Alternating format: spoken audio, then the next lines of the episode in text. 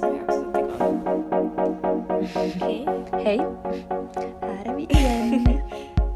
här är vi igen på distans. Yay! Eller vad man nu ska Hur är det säga. med dig? Det är helt okej. Jag är ganska äh, trött. Jag har på riktigt inte gjort någonting idag. Jag, eller alltså, jag typ vaknade och sen så var jag sådär, nej jag vill inte stiga upp. Sen steg jag ändå upp och typ för att ta mina mediciner och sen gick jag in så jag var i sängen igen. Och sen steg jag upp Det är helt skönt. eh, en andra gång för att jag hade terapi och jag måste äta lunch innan det. Sen steg jag upp och så lagade jag lunch och sen får jag dit och nu har jag kommit direkt därifrån och det är det enda jag har gjort idag. Skönt. Ja, inte världens effektivaste Ja. måndag. Nå nej, men ja, ibland får man vara lite seg. Jag är också lite seg. Okej. Ja, ja. Vad var det med att vi alltid är kommer från- trötta? ja, nej, men så är det nu. Så är det väl ibland. ja. Ehm, vad ska jag säga, du var väl i Helsingfors igår? Eller kom du från Helsingfors igår? ja, igår kväll kom jag från Helsingfors. Ja, Vi var jag också. riktigt på turné. Vad gjorde ni i Helsingfors? hälsa på alla möjliga släktingar, nej men familjemedlemmar. Kul. Och sen var vi på Alberts konsert Ah, och sånt. Och sen får vi hem. kul. Det var jättekul. det var ganska sådär äh, intensiv helg så kanske det också är orsak till att jag är lite trött nu. Men det var, helt, Ja. det var kul fast det var intensivt. Ja, men jag har också haft en ganska intensiv helg. För jag har också varit i Helsingfors och hälsat på lite kompisar och så här. Eh, Mm. Och då blir man ju alltid ganska trött fast det är kul. Men det är ju Mm. så mycket program och så här. Jag vet inte. Ja, exakt. Och sen, Och sen blev det jättestrul för att jag måste ta någon konstig VR-buss och så blev den helt försenad och jag vet inte. Uh, det är inte så lätt. nej. Ja. Så sånt. Sånt. Gud, vad, Alltså, jag såg någon... Varför pratar vi på varandra? Jag vet inte. Känns som det kommer vara jättelåg energi och sen bara pratar vi nästan på varandra. Man bara wow, hög nivå idag. Wow.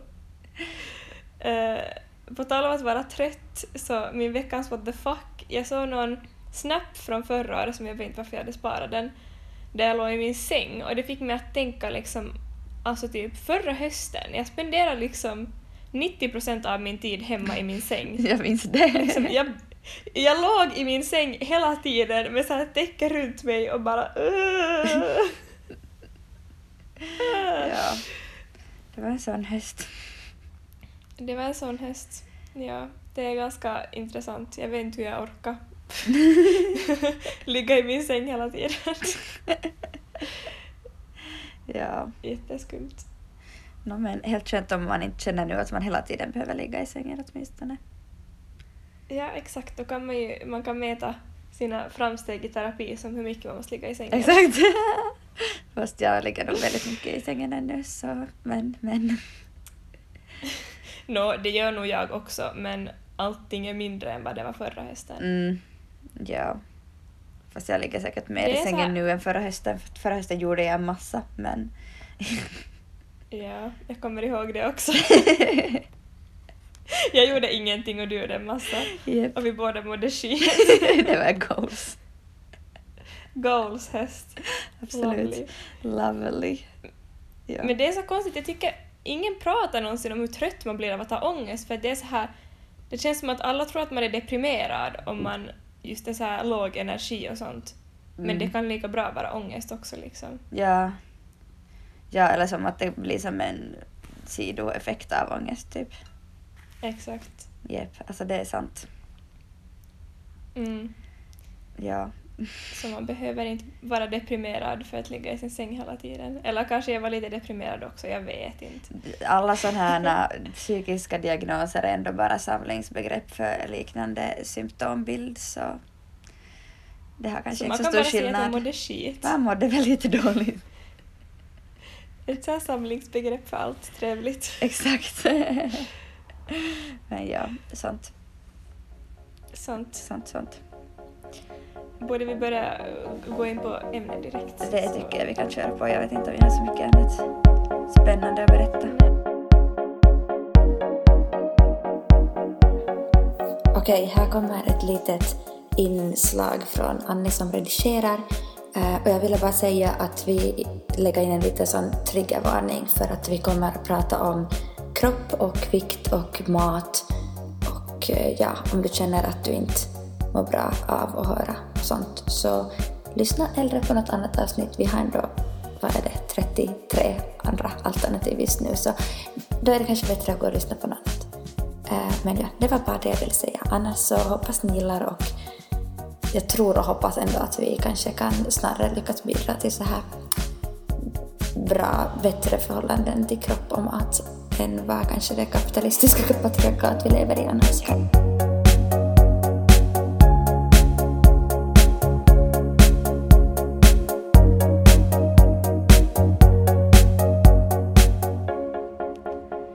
Ja, eh, vi har tänkt prata om kroppspositivism, heter det så? Ehm. Kroppspositivitet.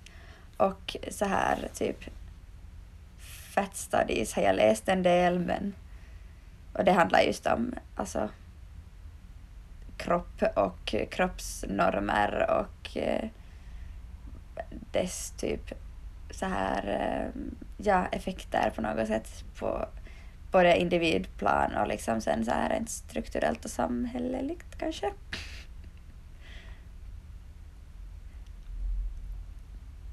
Mm. Oj. Jo, och det som, jag vet inte, jag liksom akademiska kunskaper i ämnet, men jag, jag kan ju inte själv säga att jag är tjock och därför har jag kanske inte heller så här tolkningsföreträde i frågan. Men jag har under Mm. många års tid liksom lyssnat på olika poddar och liksom läst olika inlägg av människor som är tjocka som har berättat liksom hur det är. Och jag har ju aldrig tänkt Mm. på det på det sättet själv heller för det har inte påverkat mig på det sättet. Eller såklart att liksom kroppshets påverkar alla men den här själva diskrimineringen ehm, sker ju inte om man är smal. Jag hittar liksom kläder Nej. i alla butiker och jag ryms in i flygplanssitsar och allt, allt möjligt sånt. Och man blir anställd om man söker jobb till exempel Mm. om man är smal. Det kan liksom inte påverka sånt och ja, du är liksom på ett annat sätt ändå accepterad sådär. Ja, Sådär baserat på ditt utseende typ. Så man måste ju lite på något sätt kunna skilja också mellan den här direkta diskrimineringen och sen den här kroppshetsen för det är ju nog två lite olika saker. Att de hör ju nog Ja. dels ihop men den här diskrimineringen är ju nog uteslutningsvis mot tjocka människor och du sa ju något i förra avsnittet speciellt mot tjocka kvinnor. Ja. För att kvinnors värde mera baseras på utseende och kropp och sånt Mm. än män ändå. E- e- Även om det nu, alltså det finns jättemycket kroppshets bland män också. Den uttrycker sig ofta lite annorlunda hos den, än den hos kvinnor. Mm. Men den liksom sådär påverkar inte i samma utsträckning just möjligheten att bli anställd eller möjligheten att alltså ja, man liksom, den påverkar inte hur resten av personen upp, uppfattas lika mycket som det gör hos kvinnor. Mm. Ja, exakt. Och det här med äh, möjligheten om, alltså, att bli anställd, så det här är baserat då på en föreläsning som, jag tror hon hette Hanne eller Harjunen som höll den, eh, som har själv studerat, alltså fat studies, eh, och hon refererar till någon studie om, vad heter det, som hade visat att personer som är liksom tjocka eller har en kropp som inte liksom är accepterad i det västerländska samhället också har liksom svårare att få jobb och sånt. Vilket ju är Så helt absurt. Det är inte bara påhittat.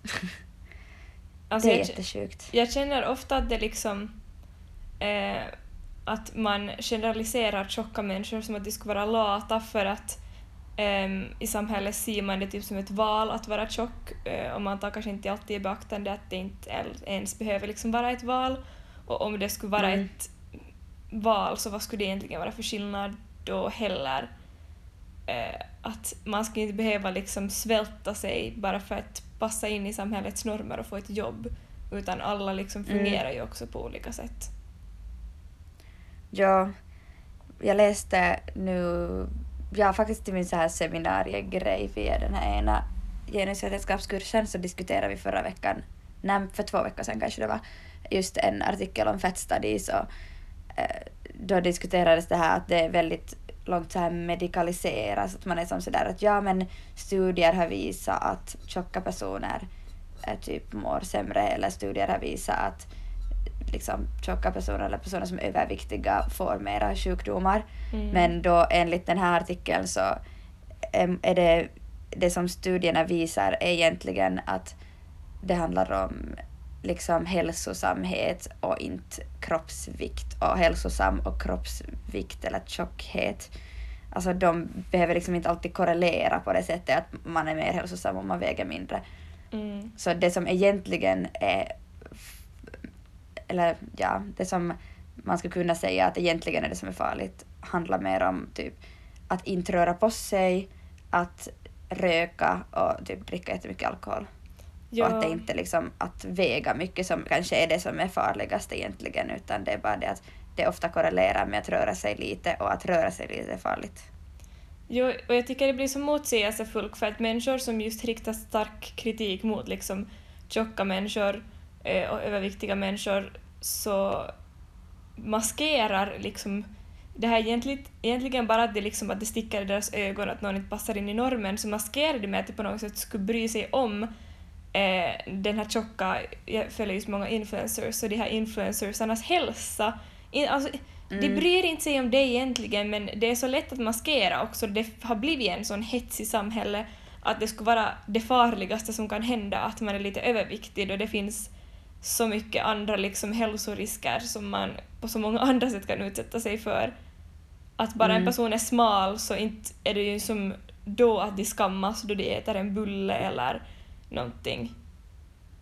Ja, och just det är ganska, tycker jag, intressant att man är som sådär att smal är lika med hälsosam Mm. eh, och tjock är lika med ohälsosam, för att det är ju inte riktigt så på riktigt. Mm. Eh, ja, och det är som bara på något sätt dumt att man är sådär att, eh, jag vet inte, att det är, att alla ska vara smala och typ att hälsa handlar nu för tiden jättemycket om också att ta, alltså, ta hand om sitt utseende och Mm. att det är liksom är sådär att ta hand om dig själv är typ att lacka dina naglar och man bara jo men men vi får som inte låta allt gå som till utseende. Nej, exakt. Och det är nog också, känner jag, lite ett så här försäljningstrick att man på något sätt säger att man ska vara mer hälsosam. Eller, man, ingen säger att man är mer hälsosam om man till exempel lackar sina naglar, men det är ju det här att man ska se så här fräsch ut och man ska ha ett glow. Mm. Och Mm. det innefattar ju lite allt möjligt. Att alla typ strävar efter att se jättehälsosamma ut. Och Ja, en av de här sakerna som samhället har bestämt att är hälsa är smalhet, vilket ju inte alls alltid stämmer ihop. Jättemånga sjukdomar Ja, kan få en exakt. att gå ner i vikt till exempel.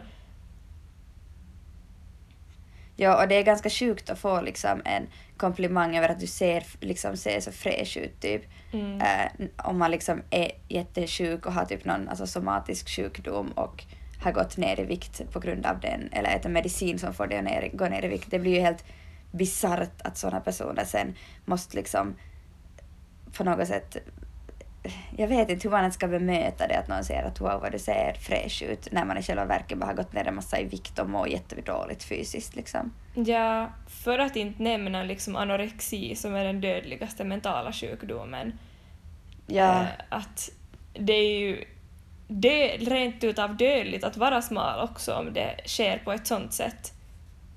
mm, Och sen är det typ så här också Ja. att smala människor kan dricka fem gånger i veckan och ta droger och äta typ bara snabbmat och leva jätteohälsosamt men så länge de är smala så bryr sig ingen medan en tjock person äter en bulle en gång i veckan och så är det plötsligt helt sådär att öh, de bryr sig inte om sin hälsa, de har ingen respekt för sig själva. Mm.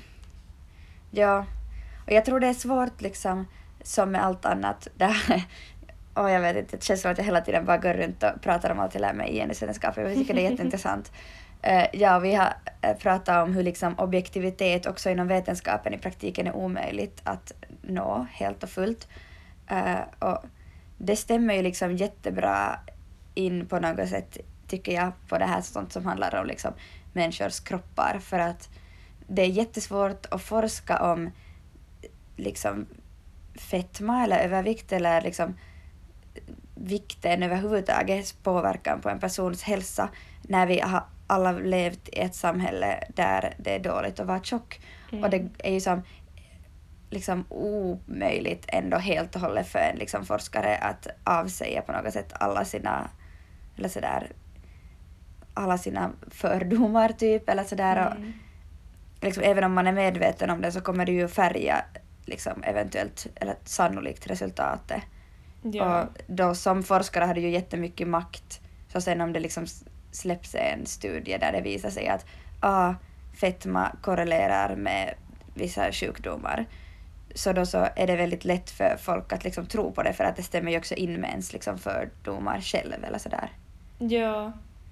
Ja, alltså det, det känns som att det har blivit en så överdriven liksom fixering vid vikt. Eh, för Mm. att in, det är ju, allting kan vara liksom dödligt. Och Mm. det är som så absurt på något sätt att så många väljer att stirra sig helt blint på att det bara är vikten och utseende hos en människa som har en skillnad där det finns så mycket liksom andra hälsofaktorer som kan spela in också. Ja, så det är sant att liksom man behöver ta hand om sin kropp men det att du tar hand om din kropp behöver inte förändra kroppens utseende. Nej, Eller sådär, det behöver inte handla om hur det ser ut liksom. exakt. Alltså Men det, ja, ja, det är ju svårt mm. också själv att bortse från utseendet. Ja, alltså om jag tänker på ett mer så här personligt plan så upplever jag nog att det finns en jättestor liksom, kroppshets i samhället och liksom, som jag också berörs av fast jag liksom alltid har varit smal. Ehm, Mm. Men just så här att gå upp och ner i vikt så tänker jag ehm, vi kanske borde sätta någon triggervarning förresten till det här avsnittet för att Ja, alla kanske inte mår bra av att höra det här.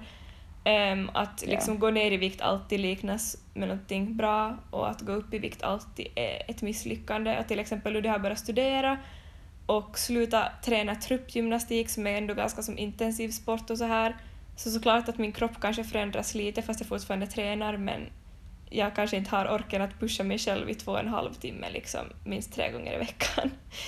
Mm. Eh, så såklart att man kanske går upp i vikt och ens kropp förändras. Ehm, och det är ju en jättetyp jobbig insikt och det är som så absurt att det ska vara så för jag vet ju att jag fortfarande liksom är hälsosam eller liksom Mm, jag blir så frustrerad på mig själv för att jag är så här, det här ska inte vara dåligt men varför känns det så dåligt? ja, exakt. Varför eftersträvar man någonting? Alltså, ja, just sådär helt på ett personligt plan. Jag har samma situation, att jag ändå som Mm. slutar med en, en idrott som jag satsade väldigt hårt på och var väldigt fysiskt krävande och sådär. Uh, nu har jag liksom ingen, inget på det. Och då var det ju, tyckte jag att det var jättelätt liksom på något sätt med mat och träning och sånt för att jag visste vad jag måste göra och jag hade ett väldigt tydligt mål hela tiden och det fanns dessutom en häst som behövde tas om hand och sådär. Men sen nu är det plötsligt sådär att är det liksom mycket krångligare och man vet liksom inte vad man... Jag vet inte, det är kanske det att det också på något sätt finns utrymme att liksom fundera på hur man ska se ut eller hur man inte ska se ut när man liksom inte när det inte handlar om liksom fysisk prestation längre på samma sätt liksom i vardagen, vilket det ändå gjorde när jag red. Liksom. Ja, Men och jag har nu på de senaste åren också försökt liksom rensa ut konton på sociala medier och undvika liksom sånt som jag vet att ger mig eh, liksom kroppspress eller som ångest och eh, på något Mm. sätt ohälsosamma ideal. Men eh, det känns som att då man har vuxit upp i ett sånt här samhälle så finns det redan så djupt rotat att det kommer alltid finnas där fast man nu har insett att man kanske kan distansera sig lite från det. Men hur hårt man än försöker så kommer man alltid att ha några dagar åtminstone som man känner den här ångesten av sin kropp för att det är så som samhället har typ format oss. Ja, alltså jag tycker det är typ helt sjukt för att jag vet att jag är ganska hälsosam, jag äter ganska hälsosamt och jag tränar ändå alltid då och då, sånt som jag tycker är helt kul. Mm. Eh, Och sen så, då är man hela tiden sådär wow, det här är liksom bra, halva hjärnan är typ sådär yes, fint. Du ska träna för att du tycker det är kul, du ska äta för att du tycker det är gott och sen är halva hjärnan samtidigt sådär på något sätt den där rösten som säger att ah, men du skulle vara bättre om du skulle vara smalare. Mm. Uh, vilket är helt orimligt för att ingenting skulle vara bättre. Allt, liksom, Nej, nej, exakt. Alltså, jag skulle antagligen må bättre. fysiskt mycket sämre. Ja. liksom, sådär. Så det är som helt en orimlig tanke. Men sen Mm. så, fast man på något sätt är medveten om det så finns det ändå kvar och har till viss grad liksom makt också. Och det som jag, det jag tänker liksom tillbaka på perioder då jag har varit som smalast, jag har ju på något sätt, i sådana perioder så är jag typ konstant hungrig. Och det är just Mm. som perioder då jag tränar jättemycket och kanske inte insett hur mycket jag behöver äta och har ätit för lite. Eh, att det är ju inte heller hälsosamt. Då är jag som konstant hungrig och har konstant så här låg energi och jag orkar inte ge mitt bästa på träningarna för att jag har inte tillräckligt med mat och sånt. Och att tänka tillbaka på sådana tider som att det på något sätt skulle vara bättre bara för att ens kropp såg lite annorlunda ut är ju egentligen så bisarrt. Mm. Alltså det är, Det är... det är, och nu pratar man ändå ur ett jätte så här privilegierat, eh, smalt perspektiv liksom. ja, ja, herregud, alltså jag har ju nog aldrig på det sättet varit tjock heller. det kan jag Ja. eh, inte säga. Eh, och jag vet inte. Men ja. jag kommer ihåg, det var nog ändå liksom då jag var yngre så eh, tyckte inte om mat och liksom hade jättesvårt för mat. Det var liksom, jag tror inte att det var något mentalt, jag tror att det bara var att jag liksom jag skulle bara vilja äta godis och så var det med den saken. eh, och då var jag liksom jättesmal och måste gå till någon så här dietist och sånt. Ehm, och det har på något sätt sen efter den tiden blivit så där att det var som jag, att jag var jättesmal men sen såklart i puberteten och sånt så förändras kroppen. Så det är Mm. också på något sätt så orimligt att tänka att man nästan förväntas se ut som ett lågstadiebarn eller ha en kropp byggd som ett lågstadiebarn. För att det är det jag tycker man ofta ser i modebranschen. Till exempel. Alltså det där tycker jag är jätteintressant och det där går liksom också på något sätt in på det här liksom med feminism. Alltså att eh, en kvinnlig kropp, alltså när kvinnor går igenom puberteten så blir din kropp liksom mindre eh, på något sätt accepterad i samhället för att du får plötsligt liksom kanske kurvor och man ofta går man ju upp i vikt och sådär. Mm. Eh, Medan en man så, en mans kropp blir mycket mera liksom accepterad och fyller normerna liksom efter puberteten när de liksom ja, men växer och kanske får bredare axlar och sådär. Mm. Jo, Att det är liksom ganska intressant hur, faktiskt. hur olika det blir. Och sen kvinnors kroppar kan ju nog i samhället ses som liksom vackra om de råkar gå igenom puberteten på exakt perfekt rätt sätt, att man får en smal Mm. midja och en stora höfter och stora bröst. Att det är också, Mm. men det är just den där ena lilla mallen som de då måste passa in i. Eh, och sen kommer Mm. de spendera resten av sitt liv och typ oroa sig över att de alltid är lite för tjocka. Fast man och inte sen tjock när, liksom. när man blir äldre så är folk sådär "Åh, hur kan du låta din kropp förfalla? Och man bara Mm. "Eh, när jag blir äldre. Ja, och jag vet, tycker också det är så intressant hur det har förändrats ännu inom de närmaste åren. Att jag var liten kommer jag nog ihåg att jag liksom har hört vuxna säga åt varandra att åh, att du ser så smal ut, som att det skulle vara en bra sak. Och då man var Mm. liten så kunde man ju liksom använda tjockis som ett så här dåligt ord och sånt. Och ännu Mm. idag så använder ju nog många det nästan som ett skällsord, vilket också är helt absurt för att Mm. det är liksom det är ett sätt att beskriva en person, det, är liksom, det borde inte vara ett skällsord. Alltså exakt.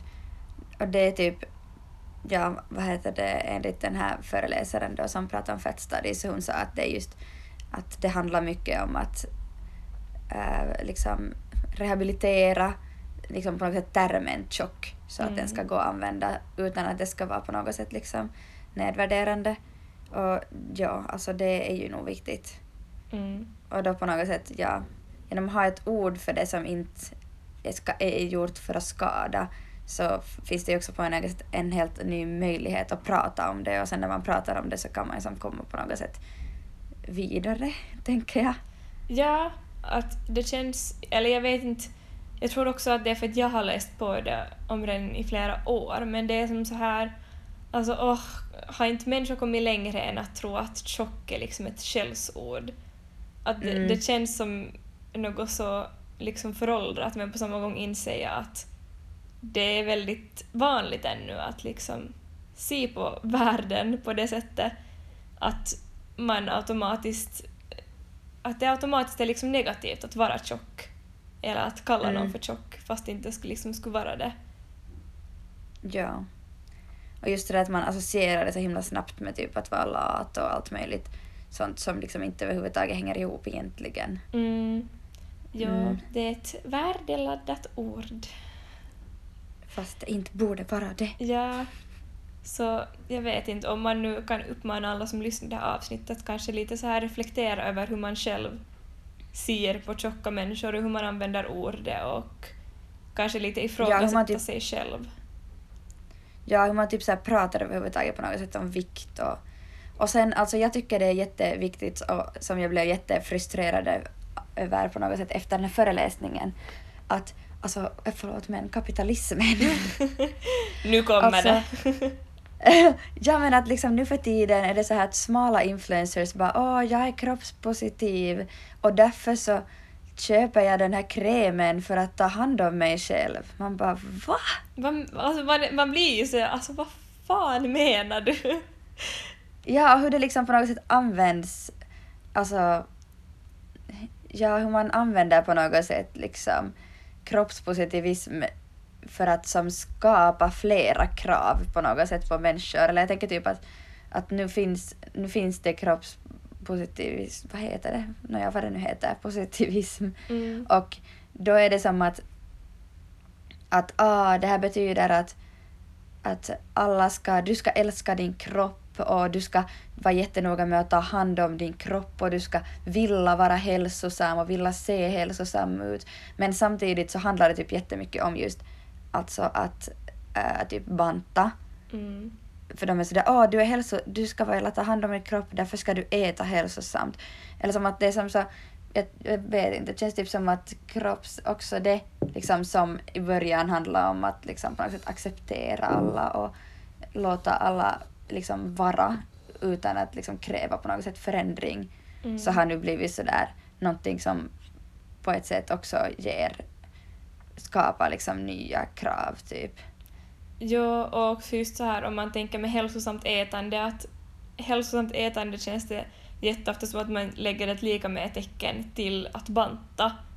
Eh, Vilket ju kanske inte är jättehälsosamt. Eller liksom just som jag pratade om tidigare, alltså för att orka behöver man ju tillräckligt med mat och kalorier och inte det är hälsosamt att äta för lite. Det är inte bra alls Nej. heller av liksom så många orsaker. Ehm, och det är ju ganska sällan som influencers pratar om att man ska äta tillräckligt. Mm. Att det handlar det är alltid om att jättesällan. jag dricker en grön juice till frukost. Mm. Eller alltså olika sorters detox-saker. Alltså, uh, Din kropp behöver detox. inte detox. Det är ändå skönt att det känns som att samhället på något sätt har gå- gått vidare från de här jävla detox-teerna som fanns för några år sedan. ja, men sen vadå? Nu tänker jag helt fritt hänga ut för att alltså den här personen har så mycket makt, hon har ingen förlora. Alltså Bianca Ingrosso till exempel pratar bara åh jag ville bara testa någon så här juice-diet. Man bara va? Liksom, och sen är det sådär, hur kan hon som bara få påstå att det på något sätt ens skulle... Hur kan det som ens vara ett alternativ att tänka sig att man typ i fem dagar bara ska dricka juice? Och sen blir det som så absurt också, jag vet inte, nu ska vi inte bara hänga ut stackars Bianca Ingrosso men hon lider knappast av vår podd speciellt mycket. Eh, men, ja, jag tycker bara inte om att liksom så här prata illa men ja, man får kritisera andra. Ehm, ja, det, det som jag skulle säga att hon har varit så öppen och pratat om att hon har haft bulimi och liksom på något sätt ändå försökt prata för liksom att, eller just prata om sin eh, ätstörning för att hjälpa andra och sen plötsligt så ser hon att hon tar en juice-diet. Det känns som att det är en som Mm. 180.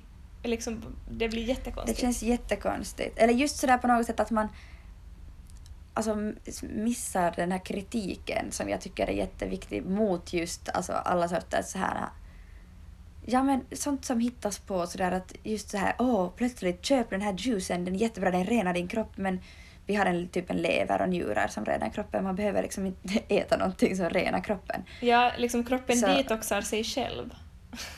Det är hela poängen med det. Det är hela poängen med en kropp, säger vi. Exakt. Den liksom, mm, den funkar inte så att du behöver liksom tillsätta saker för att det ska typ renas. Nej. Eller sen de många i Finland, eh, eller kanske finskspråkiga mer, har kanske hört talas om, det fanns en sån här, gud vad var det, en eh, liten skandal om en youtuber som var i sån vatsahuhtelu heter det. Så här, de tv- Men typ- tar, tvättar tarmarna typ. Men ty- Ja, tar, någon slags tarmtvättning. Jag har hört om det. Fråga inte varför. Eller sålihuhtelu kanske det någonting sånt i alla fall. Helt sjukt Att man alltså. liksom spolar bort innehållet i tjocktarmskanalerna. Typ så. Och det är liksom helt onödigt att göra. Mm. Och problemet kanske var att hon var sådär att åh, jag känner mig lite bloated så nu vill jag göra det här. Och man bara va? Va? Gör inte. Sen, sen blev det ju en grej så den videon finns inte uppe längre och sådär. Men Mm. ja. Det är jättekonstigt och just så här eh, sådana saker så det är ju i princip bara att man förlorar vattenvikt så det gör ju ingenting annat än att man i någon dag ser lite smalare ut vilket också Mm. känns som så onödigt. Eller det, åh, jag blir bara uppgiven när jag tänker på sånt här. Och så Ja, och det kommer liksom aldrig leda till något gott. Det blir som bara sådär att om du typ, jag vet inte, sådär om man korrigerar att plötsligt är man lite smalare på något ställe så sen när man liksom vänjer sig vid det så sen börjar man liksom bara känna sig liksom att, eller jag vet inte, det går liksom inte att bara se perfekt ut. Din kropp kommer aldrig att vara liksom tillräckligt enligt på något sätt alla de krav som man kan hitta på olika ställen. Nej, och det är just där som det på riktigt blir rent utav farligt för att det är ju så som en ätstörning börjar att man fixar en Mm. del och sen är man arg på något annat och sen nästa sak och sen nästa sak och så slutar det med att man liksom helt har tappat bort sig själv i någon ätstörning. Ja. Eh, Så det är ju jättefarligt att alla har ju kanske inte som benägenhet heller för det. Eh, Men det, alltså det är farligt att uppmuntra folk att gå ner i vikt för att det kan trigga farliga saker. Mm. Det är inte någonting som man Mm. borde göra och som borde vara okej. Jag tycker att det är helt okej att kritisera sånt också för att det är rent utav farligt. Och jag är sådär, jag är typ jättekritisk mot hela det här fitnessboomen på något sätt som finns just nu. Och alltså alla möjliga sådana som typ tävlar i bikini-fitness som är jättekända och gör YouTube och sånt och har massa unga följare och berättar om hur de är på sina dieter och hur de är på typ minuskalorier innan tävling. Och, och sen är det liksom sådär fitness, så man tänker ju att det ska handla om typ hur, att man är sådär stark eller typ fit liksom. Eh, Men sen egentligen sen är det jättemycket sådär åh, om vi ska ha tävlingssmink och man ska vaxa sig överallt innan. Och, alltså det handlar liksom inte egentligen sen på något sätt om idrott utan det handlar typ om att banta sig smal och sen fixa till sitt utseende så mycket som möjligt. Mm. Och det känns bara helt sjukt att liksom sen är folk sådär wow, cool idrottare och så blir det typ ens idol, någon som liksom lever på att bara äta liksom, jag vet inte, sej och ris Usch. i rätt antal gram. Alltså det där är som så absurt för jag känner inte att någon person riktigt kan ha ett hälsosamt ätandemönster så fort de börjar liksom väga sin mat. Alltså jag, jag tycker inte att det, Mm. det känns inte bra. Och typ så exakt räkna ut alla kalorier och näringsämnen. Jag är så det, jag skulle aldrig kunna må bra av det där själv. Så jag vet inte om det är därför också, men jag har som så svårt att se att en person på inte skulle kunna må bra på det där sättet. Alltså jag skulle inte må bra det. Det skulle bli ett på något sätt sånt helt kontrollbeteende som skulle bara ta över hela livet och man skulle inte kunna tänka på något annat än mat. Ja men Känner jag. Det är det som ortorexi liksom går ut på, att det känns som att just den där bikini-fitness, nu kanske jag liksom helt övergeneraliserar och jag vet inte, överdriver, men det känns som att hela den livsstilen nog snuddar vid ortorexi eller liksom... Det är typ en så här samhälleligt accepterad form av ätstörning. Ja! Är det, är det liksom för Ja. långt att säga så? För jag alltså... Jag känner typ så. Ja. Jag är sådär, intuitivt ätande är hälsosamt ätande. Mm. Att börja mäta och väga och begränsa sitt ätande är, det betyder inte att du har en ätstörning, men det är ett stört ätbeteende. Mm, exakt. Så skulle jag nog säga. Ja, det är ju skillnad mellan de två också. Men att ha ett stört ätbeteende är kanske ändå inte något att sträva efter. Fast det inte mest är livsfarligt men Och det kan ju också leda, det kan ju också bli värre liksom och sådär. Exakt, det är, alltså, det är inte som att någon får anore- anorexi över en natt utan det är sådana saker som ofta eskalerar. Ja, ofta. Ja. Så... Eller jag vet inte, Och jag, jag är nog inte jätte... bikini fitness. Ja, eller jag hatar allting som... hatar allting. Eh, jag hatar liksom all kultur knippar till hur, förknippad till hur man ska äta förutom typ att vara vegetarian. Mm. Men det är så här, alltså kan folk bara få äta vad de vill? Kan man bara låta människor vara? Eller kan man inte just... Ja, och istället typ öva på så här lära sig att känna efter när man är hungrig och lära sig att känna efter när man är mätt och lära sig att känna efter vad man är sugen på och sånt istället. Ja, Typ bara njuta av att mat kan vara gott och socialt trevligt. exakt. Alltså man måste inte, det måste inte vara så dramatiskt. Liksom, man ska inte behöva ha ångest förknippad till mat. Eller det är inte så livet borde vara, men det är tyvärr så för det känns som ett helt för stor, en helt för stor procent av befolkningen. Mm. Och alltså det faktum att typ så här bantningsföretag och sånt, alltså det är en business och det är en stor business. Som ännu existerar. Man skulle ju tänka att det liksom Ja. har gått i konkurs. Nej, nej, det här finns och det går, alltså folk tjänar massa pengar på det. Det är också så... Och dessutom är ju bantningskultur handlar ju typ logi, alltså de företagen får ju mera pengar om du går upp i vikt emellan tillbaka för att sen måste de använda, anlita ett företag liksom på nytt. Så ja. Ja, det är, alltså det är som ett helt annat skilt samtalsämne om att bantning typ inte ens funkar. Det är som... Mm. Ja. Det är bara ångestframkallande och onödigt. Så is inte ja, banta. för de flesta. Ja.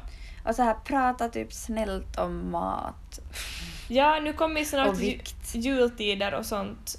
ehm, så håll inte på och bara oj, oj, oj, nu ska vi banta hela december så vi kan äta sen på julafton. Eller nu Ja, måste eller vi sen typ träna i januari. Exakt. Man bara prata snällt om mat. Man kan njuta av mat och det finns inga, utan att det ska finnas krav på att man måste göra någonting efteråt. Exakt. Och det, jag tycker det är... Sen jätte- gör det ju gott att typ röra på sig och sånt men det är liksom på ett sätt inte på ett sätt en skild sak. Mm. Ja, exakt. Det ska som inte vara så knippat till att man bränner av sin mat på något sätt. Ja, Att just det här som jag ofta hör att så här, ah, nu ska vi gå av det här som vi har ätit och man har just ätit mycket och ska promenera från någon restaurang. Det är så bara, normaliserat att säga så, men det... Nej! Mm. Säg alltså sluta! Det är Mm. liksom, man måste nog lite i 2020 reflektera över hur man pratar om mat, för det är inte rimligt att hålla på och prata på ett där sätt. Mm. Och sen är det liksom sådär, små flickor och pojkar och alla har sociala medier. Sen följer du de här bikini fitness-människorna. Då är man liksom ännu lättare att liksom påverkas av sen. Sen säger någon välmenat någonting om att man ska nu måste gå och springa för nu har man ätit så mycket choklad. Och sen plötsligt har man liksom, finns där en tanke om att varje gång man äter choklad måste man springa för att annars är man på något sätt misslyckad eller dålig eller gör fel liksom. Där är jag så otroligt tacksam att jag växte upp liksom innan sociala medier var jätte, jätte etablerade, eller att jag var som liten Mm. då det inte ännu fanns sociala medier på det sättet. För att då jag var liksom i lågstadieåldern så kände jag nog sällan någon hets över på något sätt att inte få äta och så här. Nej, samma och det är jag jättenog tacksam över. Mm. Att man liksom inte funderar på det något desto mera. Ja. Och jag typ hela högstadiet också då alla andra bara jo vi kan inte äta skollunch och jag var sådär mm, mums mums skolmat. Fast alltså jag, jag har varit den kinkigaste personen i hela världen. Jag förstår inte hur jag klarar av att ens bli vegetarian för det typ enda jag åt när jag var liten var typ kött och sötsaker. Eller det var det enda som jag tyckte om att äta. Resten var sådär måste, måste på att äta. Kött och sötsaker. Mums. Oh god. jag var ett intressant barn. Ja, men jag tycker också det ska få vara så att barn tycker ju om liksom ohälsosam mat och liksom jag tycker det är helt okej. Eller liksom man ska inte måste tänka så himla mycket på om det är hälsosamt eller inte. Man ska bara få Mm. äta i lugn och ro. Mm, och bara kunna så njuta av mat. Mm. Och jag tänker just sådär typ, den sociala delen tycker jag är jätteviktig. Ja, Och då man liksom, ja, den tappar man kanske lätt också om man liksom, om mat annars på något sätt anses vara någonting man inte, att ja, eller att det finns massa regler kring mat eller sånt. Mm.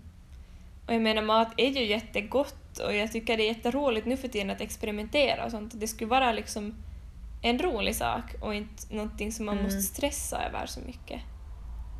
Jep. Oj, oj, oj. Men Jäklar. Jag vet inte. Ja. Allt ihop. jäkla alltihop. Det finns så mycket man ska kunna säga om det här men kanske det var... Vi kanske borde börja runda av här. Ja. kanske man får ta en del två. någon Ja. gång. ja, det kan vara helt intressant. Mm. vad heter det? Ja, ja, om jag ska dra något tips, jag vet inte om jag hade skrivit upp något tips. Ja, men det var ett annat, men vi byter mitt tips. Alltså till just sådär att på något sätt, jag vet inte, laga mat du tycker är gott och äta det du tycker är gott och träna sånt för att du tycker det är kul och prata snällt om mat. Jag vet inte. Och sen alltså väldigt konkret, på riktigt att avfölja sånt som ger en liksom kroppspress eller sådär Ja, eh, är jättevärt. ja, Och det är jättelätt ändå att göra. exakt. Det är ingen... Jep. Det är inte hela världen att avfölja människor som stressar en. Man har ingen skyldighet att följa dem. Ja. Och sen kanske ännu en sak som jag kommer att tänka på nu att du som smal person är kanske inte med och påverkar samhällsnormerna om du visar en bild på dig själv med, där du sitter dåligt och därför får korvar på magen. Mm. Eh, även om det kan vara jättevälmenat och det kan vara jättestärkande för dig själv. Men det hjälper liksom inte synen på tjocka personer i samhället. Nej, exakt. Där har du så Men- rätt. Ja. Eh, jag, har- Men, jag hade ett tips den här veckan också eh, som inte riktigt hör till ämnet men ändå mer på något sätt en kanske uppmaning också. Att jag bara fick en insikt för några dagar sedan hur liksom det borde finnas ett typ kurs i gymnasiet med bara kvinnor och hbtq-historia för det känns som att det är en del av Mm. historien som helt ingen typ bryr sig. Alltså, såklart att det finns människor som bryr sig men det är inte obligatoriskt att lära sig så därför kan man så lite men det har jag insett själv hur lite jag kan. Att jag tycker att alla Mm, borde kanske göra en liten extra effort oberoende om man är kvinna eller tillhör en sexuell minoritet att forska lite i det och lite läsa om det för att det är en del av historien som det känns som att man nästan aldrig pratar om. ja, alltså jag skulle ha så mycket att säga om det här. Mm. Men ja, alltså kvinnors plats i typ vetenskapen och historia överhuvudtaget och kvinnors synvinklar på det, mm, det är värt att lyfta, Ja, tycker jag. exakt. Jep, jep. Men var det det för idag? Det kanske var det för den här gången. Ja, vi... Vi hörs Ja. nästa vecka. Det gör vi. Hej då! Hej då!